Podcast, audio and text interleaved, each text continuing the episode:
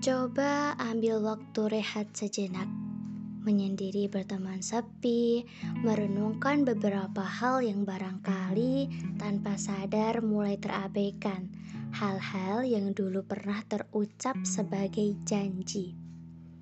Bagaimana kabar janji akan membaca Al-Quran minimal satu lembar sehari? Masih terus berjalan atau sudah tinggal kenangan?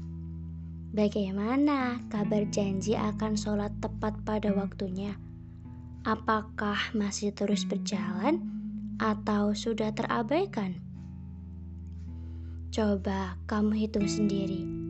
Ada berapa banyak amalan yang sampai kini istiqomah kamu lakukan, yang dengannya kamu berharap surga yang menjadi balasannya? Adakah atau sudah tak kau temukan barang satupun?